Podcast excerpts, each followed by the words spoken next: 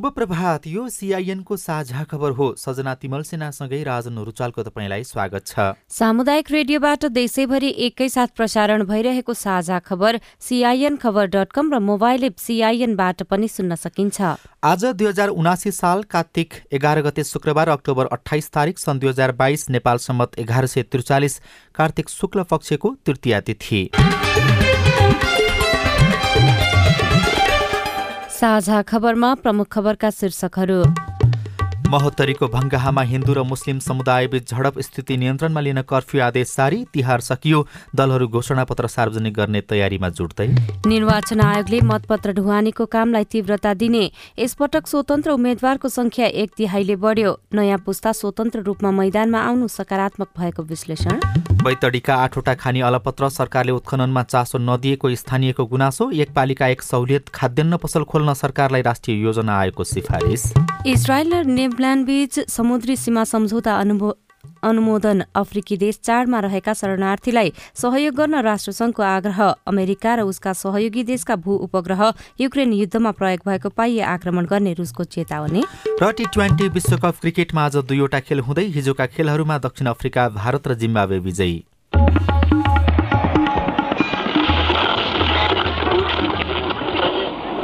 Radio. हजारौं radio कर्मी। र करोडौं नेपालीको माझमा यो हो सामुदायिक सूचना नेटवर्क सिआइएन साझा खबरको सबैभन्दा सुरुमा महोत्तरीको भङ्गामा भएको झडप सम्बन्धी प्रसङ्ग। महोत्तरीको भङ्गाहामा अनिश्चितकालीन कर्फ्यू जारी भएको छ। हिजो बिहान दुई पक्षबीच झडप भएपछि जिल्ला प्रशासन कार्यालय महोत्तरीले अपरान्न चार बजेदेखि अर्को आदेश जारी नभएसम्मका लागि कर्फ्यू आदेश जारी गरेको हो। प्रमुख जिल्ला अधिकारी दीपक कुमार पहाडीद्वारा जारी कर्फ्यू आदेशमा साम्प्रदायिक सद्भाव खलल पुग्ने गरी हिजो भङ्गाहामा दुई पक्षबीच झडप भएको जनाइएको छ। शान्ति सुरक्षाको स्थिति भङ्ग हुने अवस्था सृजना भएकाले कर्फ्यू आदेश जारी गरिएको प्रमुख जिल्ला अधिकारी पहाडीले सिआइएनसँग केही बेर अघि बताउनुभयो। त्यो दिउँसोको टेन्स भएपछि अब त्यसलाई नर्मल गर्नको लागि राति फेरि अप्रिय घटना नहोस् भनेर चाहिँ कर्फ्यू आदेश जारी गरेका छौँ। अवस्था सिचुएसन नर्मल नहुन्जेलसम्म त्यसलाई जारी राख्ने भनेर हामीले सूचनामा भनिसकेका छौँ। आज राजनीतिक दलहरूसँग हामी छलफल गरेर त्यहाँका पक्षहरूसँग बसेर छलफल गर्ने कार्यक्रम राखेका छौँ। छलफल भइसकेपछि एउटा सहमतिमा पुगेर त्यसलाई कर्फ्यूलाई हामी अन्त्य गर्छौँ। त्यही हो। कर्फ्यू आदेश जारी भएपछि अहिलेसम्म चाहिँ अवस्था कस्तो छ त्यो क्षेत्रको? अहिले सामान्य छ अहिले शान्त छ। कलश यात्रा गर्ने क्रममा हिन्दू र मुस्लिम समुदायबीच झडप हुँदा तेह्रजना घाइते भएका थिए। हिजोबाट हिन्दू धर्मावलम्बीहरूको दोस्रो ठूलो चाड तिहार सकिएको छ। चाडबाड सकिएपछि अब निर्वाचन सामग्रीको ढुवानीको कामलाई तीव्रता दिने निर्वाचन आयोगले जनाएको छ। समानुपातिक तर्फको मतपत्र अब नौ जिल्लामा मात्रै ढुवानी गर्न बाँकी रहेको छ। सड़क सुविधा नभएको र हेलिकप्टरको माध्यमबाट मतपत्र ढुवानी गर्नुपर्ने भएकाले केही ढिलाइ भएको हो। प्रत्यक्षतर्फको मतपत्र ढुवानीको काम पनि बीस गतेसम्ममा गरिसक्ने आयोगको तयारी रहेको छ। हिमाली र दुर्गम जिल्लाका मतपत्र सुरुमा नै छापिसकेर कार्तिक बीस गते भित्र निर्वाचन क्षेत्रमा पुर्याइसक्ने आयोगका सहायक प्रवक्ता सूर्य प्रसाद अरियालले सिआइएनलाई जानकारी दिनुभयो। कार्तिकको बिस गतिभित्र टाढाका मतपत्रहरू पुर्याइसक्ने किनकि त्यहाँ पुर्याइसकेपछि निर्वाचन अधिकारी कार्यालयमा पुर्याइसकेपछि त्यहाँ रुजु गर्नुपर्छ। मतदान केन्द्र अनुसार चाहिँ मतपत्रहरूको छुट्टा छुट्टै प्याकहरू बनाएर छाप गरेर राख्नुपर्छ होइन? त्यो प्रयोजनको लागि चाहिँ बिस गतिभित्र पुर्याइसकिन्छ। र नजिकको जस्तै काठमाडौँ उपत्यका वरपरका जिल्लाहरूमा भने त्यसको केही एक दुई दिन पछाडि अथवा तेइस चौबिस गतिसम्म चाहिँ छपाएर पठाउँदाखेरि पनि त्यो व्यवस्थापन गर्न सकिने भएको हुनाले त्यही अनुसार चाहिँ हाम्रो छपाई कार्य अगाडि बढेको छ। निर्वाचन आयोगले यसपटक मतदाता शिक्षाको कार्यक्रमलाई पनि थप जोड दिने भएको छ। स्थानीय तह निर्वाचनको समयमा मतदाता शिक्षामा कमी भएकाले बदर मत बढेको गुनासो आएपछि अहिले मतदाता शिक्षा कार्यक्रमको तरिकालाई केही सुधार गरिएको पनि सहायक प्रवक्ता अर्यालले बताउनुभयो। साथै आयोगले राजनैतिक दल तथा उम्मेद्वारलाई पनि मतदाता शिक्षामा जोड दिन अनुरोध गरेको छ। मत माग्ने मात्रै नभई मत हाल्ने तरिका पनि सिकाउन आयोगले उम्मेद्वारहरूलाई अनुरोध गरेको छ। तिहार सकिए लगतै चाडबाडको माहौल बिस्तारै कम भएको छ तराई क्षेत्रमा मनाइने छठ पर्वपछि तत्काललाई चाडबाड सकिनेछन् भने चुनावको धपेडी बढ्नेछ। चाडबाडकै बेला भए पनि घर दैलो ओडा भेला कार्यकर्ता भेला जस्ता नाममा प्रचार प्रसार भइरहेको थियो भने सामाजिक सञ्जाल मार्फत पनि उम्मेद्वारहरूले प्रचार सुरु गरिसकेका छन्। उम्मेद्वार र दलको चुनावी आमसभा अबको एक हप्तापछि अर्थात् कार्तिक अठार गतेबाट मात्रै गर्न पाउने भए पनि उम्मेद्वारहरूको ध्यान अब पूर्णत चुनावमा केन्द्रित हुनेछ। यसपटक दलहरू चुनाव जित्नका लागि गठबन्धनको सहारा लिइरहेका छन्। सत्ता र विपक्षी गठबन्धन दुवैतर्फका उम्मेद्वार बहुमत ल्याउने दावीसहित चुनावी मैदानमा छन्। तर गठबन्धनका कारण उम्मेद्वारी भाग नपुगेर निर्वाचन क्षेत्रमा देखिएको असन्तुष्टिका कारण एक दलका प्रतिबद्ध कार्यकर्ताको मत अर्को दलका उम्मेद्वारलाई जाँदैन कि भन्ने संशय पनि दलभित्र देखिन्छ। गठबन्धनभित्रको यस्तो असन्तुष्टि र असहयोगको अवस्थालाई आफ्नो पक्षमा पार्न अर्को पक्ष जोडतोडका साथ लागिरहेको छ। यसपटकको चुनावमा पनि ठूला दलका शीर्ष नेताहरू तुलनात्मक रूपमा सजिलो अवस्थामा रहेको आकलन गरिएको छ। केही उम्मेद्वार पहिलो पटक विजयी हुने सपना देखिरहेका छन् भने केही जितको संख्या थप्न चाहिरहेका छन्। दुवै पक्षका गठबन्धनका बागी उम्मेद्वार ठाउँ ठाउँमा कायमै छन् भने स्वतन्त्र उम्मेद्वारहरू स्थापित दल र नेताहरूका लागि टाउको दुखाइ बनेका छन्। भलै उम्मेद्वारी मनोनयनताका सुनिएका असन्तुष्टिका स्वर बिस्तारै मत्थर हुँदै गएको देखिन्छ। तैपनि उम्मेद्वारीप्रति असन्तुष्टि रहेका केही नेता अझै पनि अर्को दल प्रवेश र आधिकारिक भनिएका उम्मेद्वारलाई सहयोग नगर्ने गरी तयारी गरिरहेका छन्। निर्वाचन आयोगका अनुसार प्रत्यक्षतर्फ झण्डै चौबिस सय उम्मेद्वार चुनावी प्रतिस्पर्धामा छन्। उनीहरूले निर्वाचन क्षेत्र र मतदाताको संख्या हेरिकन पच्चिसदेखि तेत्तीस लाख रुपियाँसम्म खर्च गर्न पाउने भएका छन् भने उम्मेद्वारले बढीमा तीनवटा मात्र सम्पर्क कार्यालय खोल्न पाउने निर्वाचन आयोगले जनाएको छ। यसपटक निर्वाचन आयोगले अलिक बढी नै कडिकडाउ गरेको भन्दै कतिपय दलका नेताले भने असन्तुष्टि जनाइरहेका छन्। ठूला दलहरूले चुनावमा आफ्ना मुद्दा र प्राथमिकता समेटिएको घोषणापत्र अझै सार्वजनिक गरेका छैनन्। उसो त घोषणापत्रमा उल्लेख हुने कुरा केवल चुनावी नारा र भन्ने कुरा मात्रै भएको भन्दै चर्को आलोचना र असन्तुष्टि व्यक्त हुँदै आएको छ। मतदाता नेताहरूप्रति निराश रहेकाले दल र उम्मेद्वारहरूलाई मतदाताको यो आक्रोश र निराशका बीच विश्वास सिर्जना गर्नुपर्ने अवस्था उत्पन्न भएको छ। मतदाता सामु भने आउँदो पाँच वर्षका लागि आफ्नो र देशको भविष्य निर्धारण हुने निर्वाचनमा निकै सुझबुझपूर्ण निर्णय गर्नुपर्ने गुरुत्तर जिम्मेवारी आइपुगेको छ। ठूला राजनैतिक दलहरूले घोषणापत्र सार्वजनिक गर्न भने ढिलाइ गरिरहेका छन्। स्वतन्त्र उम्मेद्वार तथा साना दलहरूले चुनाव पछिका आफ्ना प्राथमिकता सार्वजनिक गरेको भए पनि ठूला दलले भने एक अर्काको घोषणापत्र कुरिरहेका छन्। कांग्रेसले चुनावी संकल्प पत्र तयार पारिसकेको छ तर सार्वजनिक गर्नमा ढिलाइ गरिरहेको छ। एमाले पनि घोषणापत्र तयार पारिसकेको छ तर सार्वजनिक गर्नमा ढिलाइ गरिरहेको छ। माओवादी केन्द्रले पनि अब छठपछि मात्रै घोषणापत्र सार्वजनिक गर्ने जनाएको छ। सबैजसो ठूला दलका घोषणापत्रमा विकास र समृद्धिका सपना समेटिएका छन्। कांग्रेसको घोषणापत्र कस्तो आउँदैछ? हामीले नेपाली कांग्रेसका प्रवक्ता प्रकाश शरण महतसँग कुराकानी गरेका छौं। यो घोषणा पत्रको जहाँसम्म कुरा छ हाम्रो पार्टीको स्पष्ट दृष्टिकोण छ।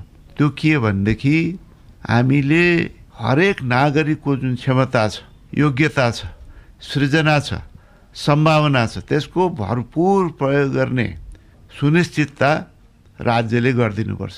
मतलब अब हरेक घोषणापत्रमा के नयाँ आउँछ भनिरहनु पर्दैन। स्पेसिफिक कार्यक्रमहरू नयाँ आउन सक्दछन्। कसरी त्यो समृद्धि सृजना गर्ने भन्ने चाहिँ कुराहरू चाहिँ समय सापेक्ष हुन सक्छन् हामी चाहिँ कल्पनाको उडान भर्ने कुराहरू चाहिँ गर्दैनौँ। एकजना किसान जो धान काट्नको लागि खेतमा जाने तयारी गर्दै हुनुहुन्छ अथवा गहुँ छर्नको लागि हलो र जुवा काँधमा बोकेर अब हिँड्दै हुनुहुन्छ अथवा घाँस काट्न जानको लागि ठिक्क परेको अर्को किसानको कुरा गरौँ। तल्लो तहको नागरिकको कुरा गर्दाखेरि चाहिँ त्यो किसानले काङ्ग्रेसको घोषणापत्रबाट के अपेक्षा गर्न सक्छ यसपटक? म के भन्न चाहन्छु भने हाम्रो कृषिको व्यवसायीकरण जरुरी छ।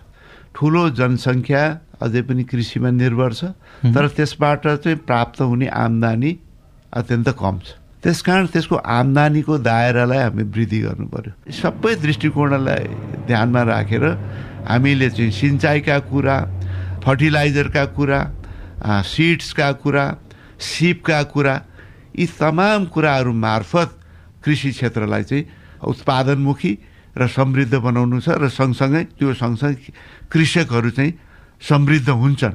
यद्यपि यो कुराहरू पहिला आएको थिएन भन्ने कुरा होइन। अब हामीले चाहिँ अर्जुन दृष्टिका साथ यी कुराहरूलाई चाहिँ कार्यान्वयन गर्ने तर्फ चाहिँ हामी चाहिँ केन्द्रित हुनुपर्छ। तपाईँहरू खास गरी विपक्षीय पार्टीको घोषणापत्र पर्खिरहनु भएको छ। त्यस पछाडि मात्रै घोषणापत्र सार्वजनिक गर्दै हुनुहुन्छ भन्ने छ बजारमा राजनीतिक बजारमा चर्चा। त्यो चाहिँ के हो खास? त्यो होइन। हामीले कसैको चाहिँ घोषणापत्रलाई पर्खिनु पर्दैन। हामी जे गर्न सक्छौँ त्यो हामी भन्छौँ।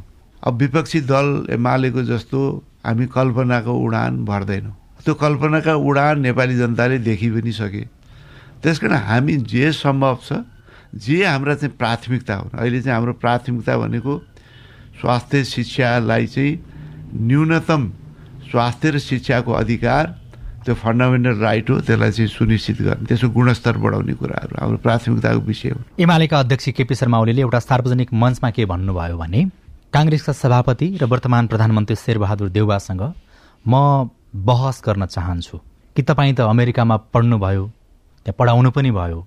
त्यो अभ्यास छ विकसित देशहरूमा कि राष्ट्रपतिका उम्मेद्वारहरू बहसमा उत्रन्छन् र जनताले त्यस पछाडि भोट हाल्ने या नहाल्ने भनेर निर्कुल गर्नको लागि अझ बढी सजिलो हुन्छ। अनि कतिपयले चाहिँ देउवा त्यो बहसबाट डराउनु भयो अथवा बहसमा अगाडि आउन चाहनु भएन भन्ने टिप्पणी पनि गर्छन्। तपाईँ के भन्नुहुन्छ? तपाईँ काङ्ग्रेसको प्रवक्ता। यो बहसमा डराउनु पर्ने कुनै कारण छैन तर नेपाली काङ्ग्रेस। कामकै आधारमा जनताले हाम्रो मूल्याङ्कन गर्छ। शेरबहादुर देउवाजी कुनै नयाँ परिचित भइराख्नुपर्ने व्यक्तित्व होइन। हामीले गरेको कामको फेरिस्त नै छ। र त्यसकै आधारमा भोलि हामीले काम गर्ने हो। ओलीजी त उहाँ चाहिँ गफ गर्न सिपालु हुनुहुन्छ। उहाँलाई के लाग्यो होला भने म गफमा जितिहाल्छु। त्यस कारण चाहिँ गफमा हामीलाई प्रतिस्पर्धा गर्नु छैन।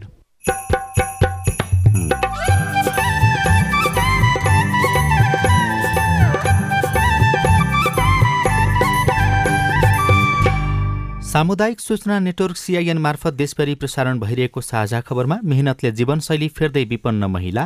एउटा भैँसी थियो अनि एउटा अझै गाई किन्यो। एक वर्षमा कमाउँदो रहेछ। अलि तरकारी खेतीहरू थप्यो त्यसबाट आम्दानी हुन्छ। बैतडीका आठवटा खाने अलपत्र सरकारले उत्खननमा चासो नदिएको स्थानीयको गुनासो लगायतका खबर बाँकी नै छन्। सिआइएनको साझा खबर सुन्दै गर्नुहोला। अब बिहे पक्का भयो। अब बिहे कहिले गर्ने त सम्झियो। आउँदो निर्वाचनपछि निर्वाचनसम्म त कहाँ फुर्सद हुन्छ र? त्यो दिन त भोट पनि हाल्न जानुपर्छ। छोरा तुरन्तै विदेश फर्कनुपर्छ एक वर्ष नभए आउँदैन। त्यसो भए बिहे एक वर्षपछि गरौँ। एक वर्षपछि बिदा मिलेन भने नि। त्यसो भए दुई वर्षपछि गरौँ। त्यो भोट हालेर खाना लाउन मिल्ने होइन। त्यस्तो जाबो भोट हाल्ने कुरामा किन बिहे रोक्ने हजुर? भोट हाल्ने भनेको जाबो कुरा होइन सम्झिने ज्यू हामीले दिएको एउटा भोटले सही मान्छे छान्न सक्यो भने हाम्रो गाउँ सहर देशले उन्नति गरी हाम्रो भविष्य निर्माण गर्न सक्छ। त्यसो भए समाधान कसरी गर्ने त? पहिले मतदान गर्ने त्यसपछि कन्यादान गर्ने।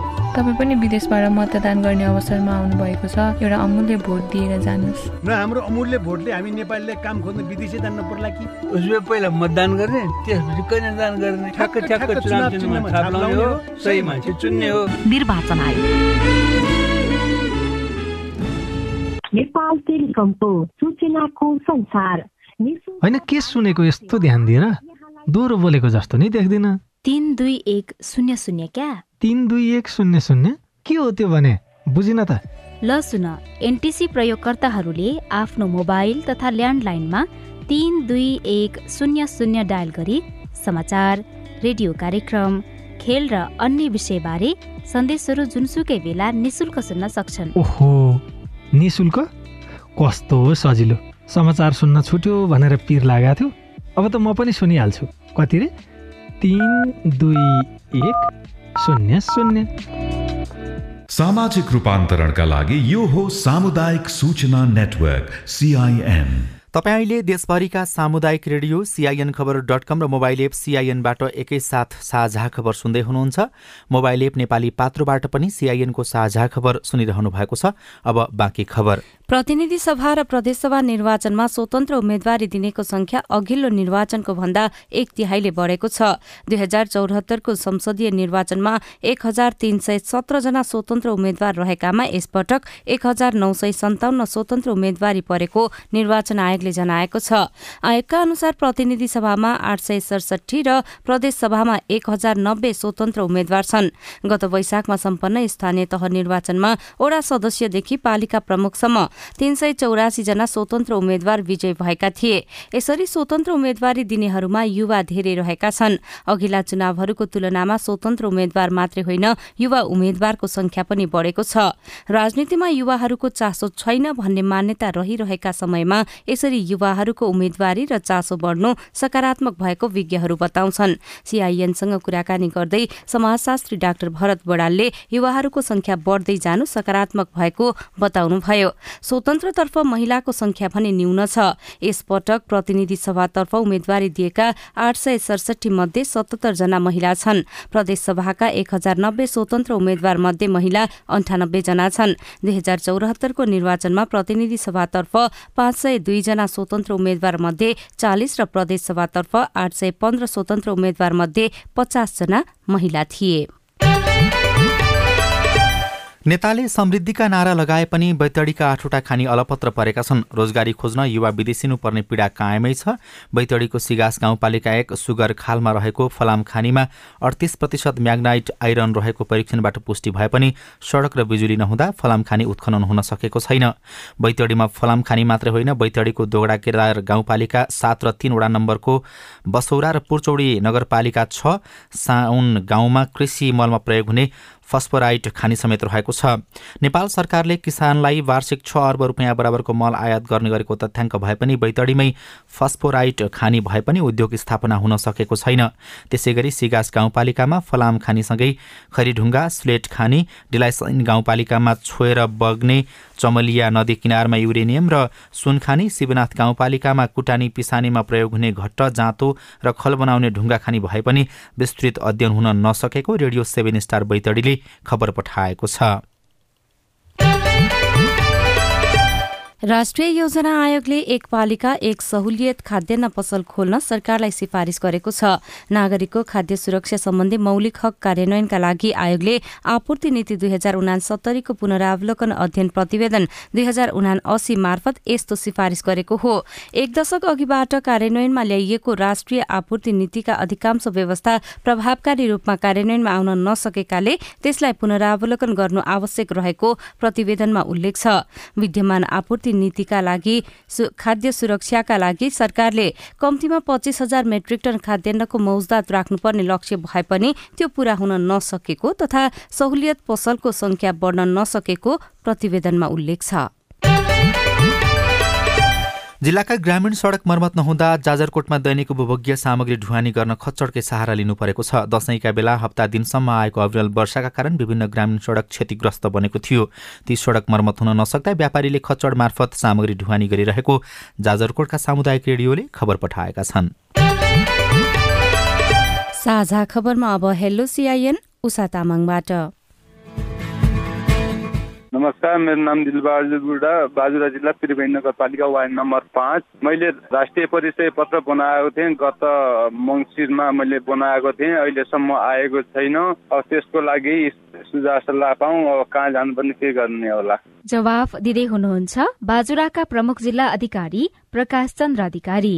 राष्ट्रिय पत्र पञ्जीकरण विभागमा हाम्रो जिल्ला प्रशासन कार्यालयले फर्म दर्ता गरिसकेपछि त्यहाँ पठाउने गर्छ र त्यहाँबाट कार्ड बनेर आएपछि वितरण गर्ने काम हुन्छ। अहिले राष्ट्रिय पत्र पञ्जीकरण विभागबाट छपाई हुने काम भइरहेको हुनुपर्छ र त्यहाँबाट छपाई भएर जिल्लामा आइपुगेपछि उहाँहरूलाई खबर गरेर वितरण गर्ने काम हामी गर्छौँ। नमस्कार म दोगडा तार गाउँपालिका वार्ड नम्बर पाँचबाट रामबहादुर कार्की बोलेको म एउटा अपाङ्ग व्यक्ति हो। मेरो ना नागरिकता हराएको हुनाले मैले नयाँ बनाउनको लागि के गर्नुपर्छ र नयाँ बनाइसकेपछि म एउटा अपाङ्ग भत्ता पाउनको लागि पुरानै खाताबाट पाउँछु कि नयाँ लाभकारी दर्ता गर्नुपर्छ। तपाईँको प्रश्न हामीले बैतडीका प्रमुख जिल्लाधिकारी सुरेश पन्थीलाई सुनाएका छौं। अपाङ्गता कस्तो प्रकारको हो यसमा चाहिँ खुलेन होइन तपाईँको नागरिकता हराएको छ र तपाईँलाई जिल्ला प्रशासन आउन कठिनाइ छ भने तपाईँले आफ्नो वडा अध्यक्षसँग सम्पर्क गरेर त्यहाँबाट सिफारिस सहित जिल्ला प्रशासनमा कोही तपाईँको कागजात लिएर कोही मान्छेलाई सम्पर्क गरेर हामीलाई यहाँ पठाइदिनु भयो आफ्नो घरको मान्छे भने उहाँलाई त हामी नागरिकता दिँदैनौँ। तर तपाईँको नागरिकता सबै विवरण पुरानो विवरण भेट्यो भने तपाईँलाई हामी तपाईँकै घर दैलोमा नजिकै आएर नागरिकता उपलब्ध गराउने व्यवस्था गर्छौँ जहाँसम्म तपाईँको दोस्रो प्रश्नको सन्दर्भ छ अपाङ्गता भत्ताको विषयमा। तपाईँले अघिल्लो सालबाट प्राप्त गरिरहेको भत्ता चाहिँ यो वर्ष मात्रै नवीकरण गर्नु भएको छैन भने चाहिँ तपाईँ नवीकरण गरेर त्यसमा सूचीकृत पहिला पाउँदै आएको अपाङ्गता भत्ता प्राप्त गर्न सक्नुहुन्छ। यदि तपाईँको बिचमा ब्रेक भएको छ भने तपाईँ पुनः पालिका मार्फत त्यसमा चाहिँ सूचीकृत हुनुपर्ने हुन्छ। र लक्ष्मी पूजाको साँझ पनि नेपालले भारतलाई विद्युत निर्यात गर्न सफल भएको समाचार सुनेपछि भक्तपुरबाट पेमा लामा हाम्रो फेसबुकमा लेख्नुहुन्छ कुनै समय लोडसेडिङको मार खेपिरहेको हाम्रो मुलुकले धेरै विद्युत खपत हुने समयमा पनि भारतलाई विद्युत निर्यात गरेको खबर सुन्दा खुशी लागेको छ। तपाई जुनसुकै बेला हाम्रो टेलिफोन नम्बर शून्य एक बान्न साठी छ चार छमा फोन गरेर आफ्नो विचार प्रश्न गुनासो तथा प्रतिक्रिया रेकर्ड गर्न सक्नुहुनेछ। साझा खबरमा अब विदेशका खबर इजरायल सरकारले लेबनानसँगको समुद्री सीमा सम्झौतालाई अनुमोदन गरेको छ। प्रधानमन्त्री यायर ल्यापिडको कार्यालयले एक विज्ञप्ति निकालेर दुई मुलुकबीच भएको समुद्री सीमाङ्कन सम्झौतालाई अनुमोदन गरिएको बताएको हो। संयुक्त राष्ट्रसङ्घले पश्चिमी अफ्रिकी देश चाडमा रहेका शरणार्थीको सहयोगका लागि आग्रह गरेको छ। पछिल्लो समय देखिएको राजनीतिक लगायतका सङ्कटका कारण चाडमा रहेका शरणार्थीको अवस्था निकै सङ्कटपूर्ण रहेको भन्दै राष्ट्रसङ्घले सहयोगका लागि अपिल गरेको हो। रुसले अमेरिका र उसका सहयोगी देशका भूउपग्रह युक्रेन युद्धमा प्रयोग भएको पाइए आक्रमण गर्ने चेतावनी दिएको छ। रुसी विदेश मन्त्रालयको उपनिर्देशक कन्स्टेटिन ओरोसोभले पश्चिमी भूउपग्रहको प्रयोग गरी युद्धमा युक्रेनको मद्दत गरेको पाइए आक्रमण गर्ने चेतावनी दिनुभएको हो। साझा खबरमा अब खेल खबर। टी ट्वेन्टी विश्वकप क्रिकेट अन्तर्गत आज दुईवटा खेल हुँदैछन्। पहिलो खेलमा अफगानिस्तान र आयरल्याण्ड नेपाली समयअनुसार बिहान पाउने दस बजे खेल्नेछन्। अर्को खेल दिउँसो पाउने दुई बजे इङ्ल्याण्ड र अस्ट्रेलिया बीच हुनेछ। यसअघि हिजो भएका खेलहरूमा भारत दक्षिण अफ्रिका र जिम्बावे विजयी भएका छन्। जिम्बावेले पाकिस्तानमाथि एक रनको रोमाञ्चक जित हासिल गर्यो। एक सय एकतीस रनको लक्ष्य पछ्याएको पाकिस्तान निर्धारित ओभरमा आठ विकेट गुमाएर एक सय उनातिस रन मात्रै बनाउन सफल भयो। लगातार दोस्रो हारसँगै पाकिस्तानको सेमी फाइनलको सम्भावना कठिन बनेको छ। यस्तै हिजै भएका खेलहरूमा भारतले नेदरल्याण्डलाई छप्पन्न तथा दक्षिण अफ्रिकाले बंगलादेशलाई एक सय चार रनले हराएका थिए। र युरोपा लिग फुटबलमा म्यान्चेस्टर युनाइटेड विजय भएको छ। राति भएको खेलमा म्यान्चेस्टर युनाइटेडले सेरिफ टिरासपोललाई तीन शून्य गोल अन्तरले हराएको हो। सरकारी सहयोगले मेहनती बनेका विपन्न महिला आत्मनिर्भर बन्ने बाटोमा।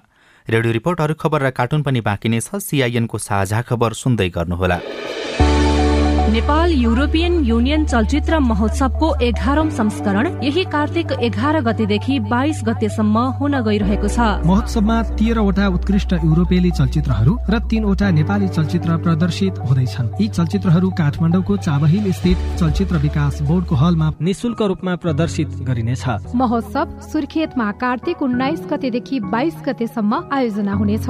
महोत्सवमा पाँच उत्कृष्ट युरोपेली र तीन नेपाली चलचित्रहरू प्रदर्शित गरिनेछन् महोत्सव सुर्खेतको मध्यपश्चिम विश्वविद्यालयको हलमा निशुल्क रूपमा प्रदर्शित गरिनेछ। चलचित्र महोत्सव भरि नै भर्चुअल प्लेटफर्म फेस्टिभल स्कोपमा पनि चलचित्रहरू निशुल्क रूपमा हेर्न सक्नुहुनेछ। साथै महोत्सव अन्तर्गत चलचित्र सम्बन्धी विभिन्न रोचक अन्तर्क्रियात्मक कार्यक्रमहरू पनि भर्चुअल माध्यम मार्फत आयोजना गरिनेछन्। तपाईँहरू सम्पूर्ण यस चलचित्र महोत्सवमा सहभागी भएर यसलाई सफल पारिदिनु हुन हार्दिक अनुरोध गर्दछौ।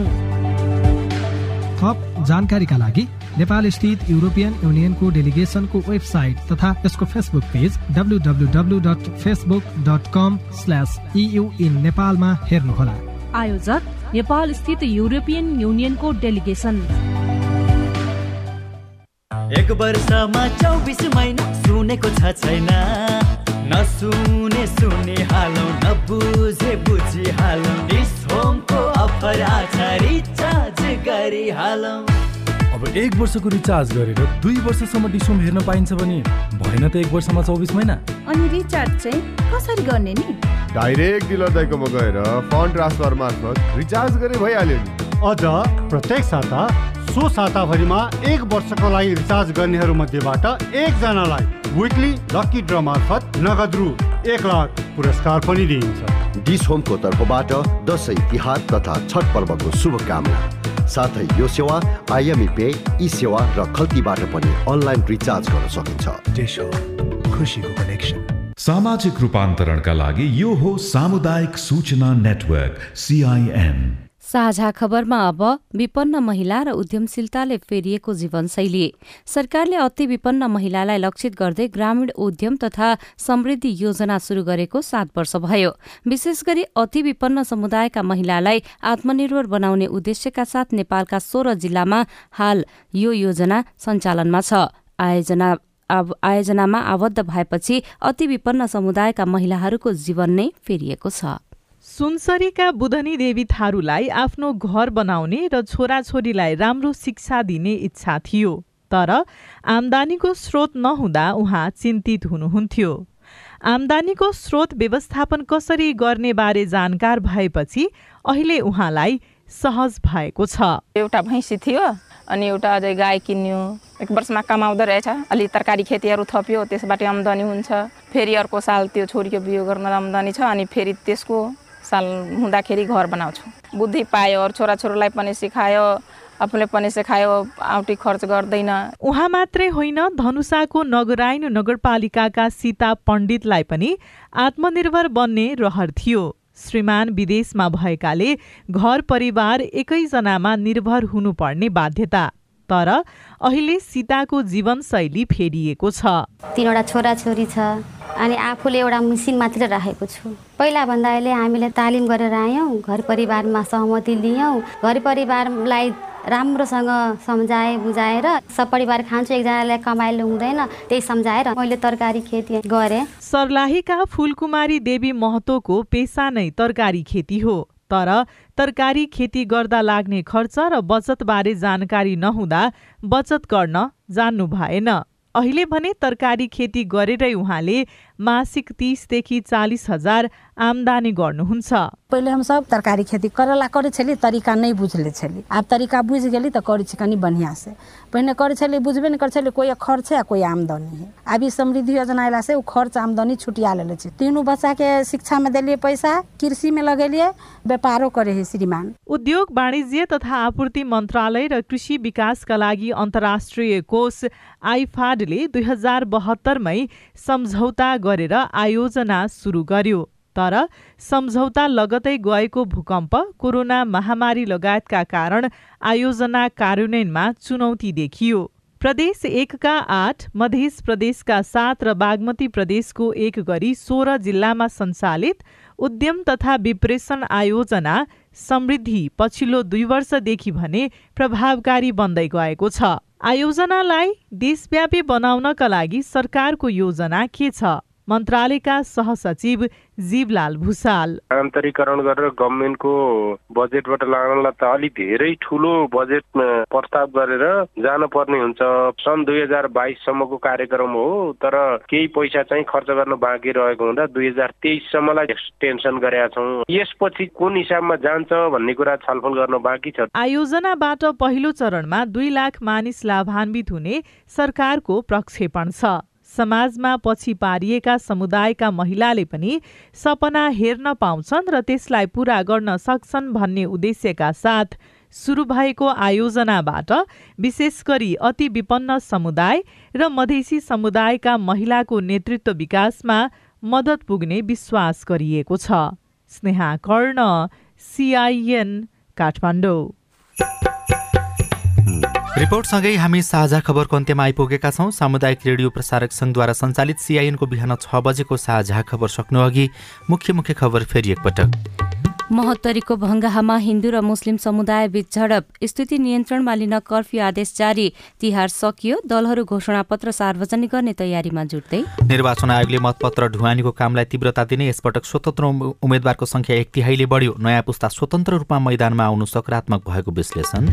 बैतडीका आठवटा खाने अलपत्र सरकारले उत्खननमा चासो नदिएको स्थानीयको गुनासो। एक पालिका एक सहुलियत खाद्यान्न पसल खोल्न सरकारलाई राष्ट्रिय योजना आयोगको सिफारिस। इजरायल र लेबनानबीच समुद्री सीमा सम्झौता अनुमोदन अफ्रिकी देश चाडमा रहेका शरणार्थीलाई सहयोग गर्न राष्ट्रसङ्घको आग्रह। र टी ट्वेन्टी विश्वकप क्रिकेटमा आज दुई खेल हुँदै। साझा खबरको अन्त्यमा कार्टुन लिएका छौँ। पहिलो पोस्ट डट कम अनलाइनबाट रविन्द्र मानन्दरले बनाउनु भएको कार्टुन रहेको छ। यति बेला चुनावी प्रतिस्पर्धाका लागि उम्मेद्वारहरू गाउँ गाउँमा पुगेका छन्। खास गरी उनीहरू भोट माग्दै गएका छन्। कतिपय उम्मेद्वार अघिल्लो पटक पनि चुनाव जितेर सहर छिरेका थिए। उनीहरू यसपटक भोट माग्न जाँदै गर्दाखेरि अघिल्लो पटकको बाचा पुरा भएको छ कि छैन भनेर निकै चासोपूर्वक मतदाताले सोधिरहेका छन्। यहाँ केही सहयोगी देखिन्छन्। हेलमेट दिन प्रयास गर्दैछन् उम्मेद्वारलाई। उम्मेद्वार चाहिँ अगाडिपट्टि टक्क ढाका टोपी लगाएका कालो चस्मा लगाएका र माला लगाएका गाउँतिर अगाडि बढ्दैछन् अनि माथि चाहिँ यस्तो लेखिएको छ। होइन हेलमेट त लगाउनै पर्छ होला नेताज्यू। अघिल्लो पटकका बाचाहरू सबै अधुरै छन्। हवस् त प्राविधिक साथी सुभाष पन्तलाई धन्यवाद। अहिलेलाई राजन रुचाल र सजना तिमल सिन्हा विदा भयौं। तपाईँको आजको दिन शुभ होस्। नमस्कार। यसपछि देशभरिका सामुदायिक रेडियोबाट कार्यक्रम हेलो सांसद प्रसारण हुनेछ। सुन्ने प्रयास गर्नुहोला।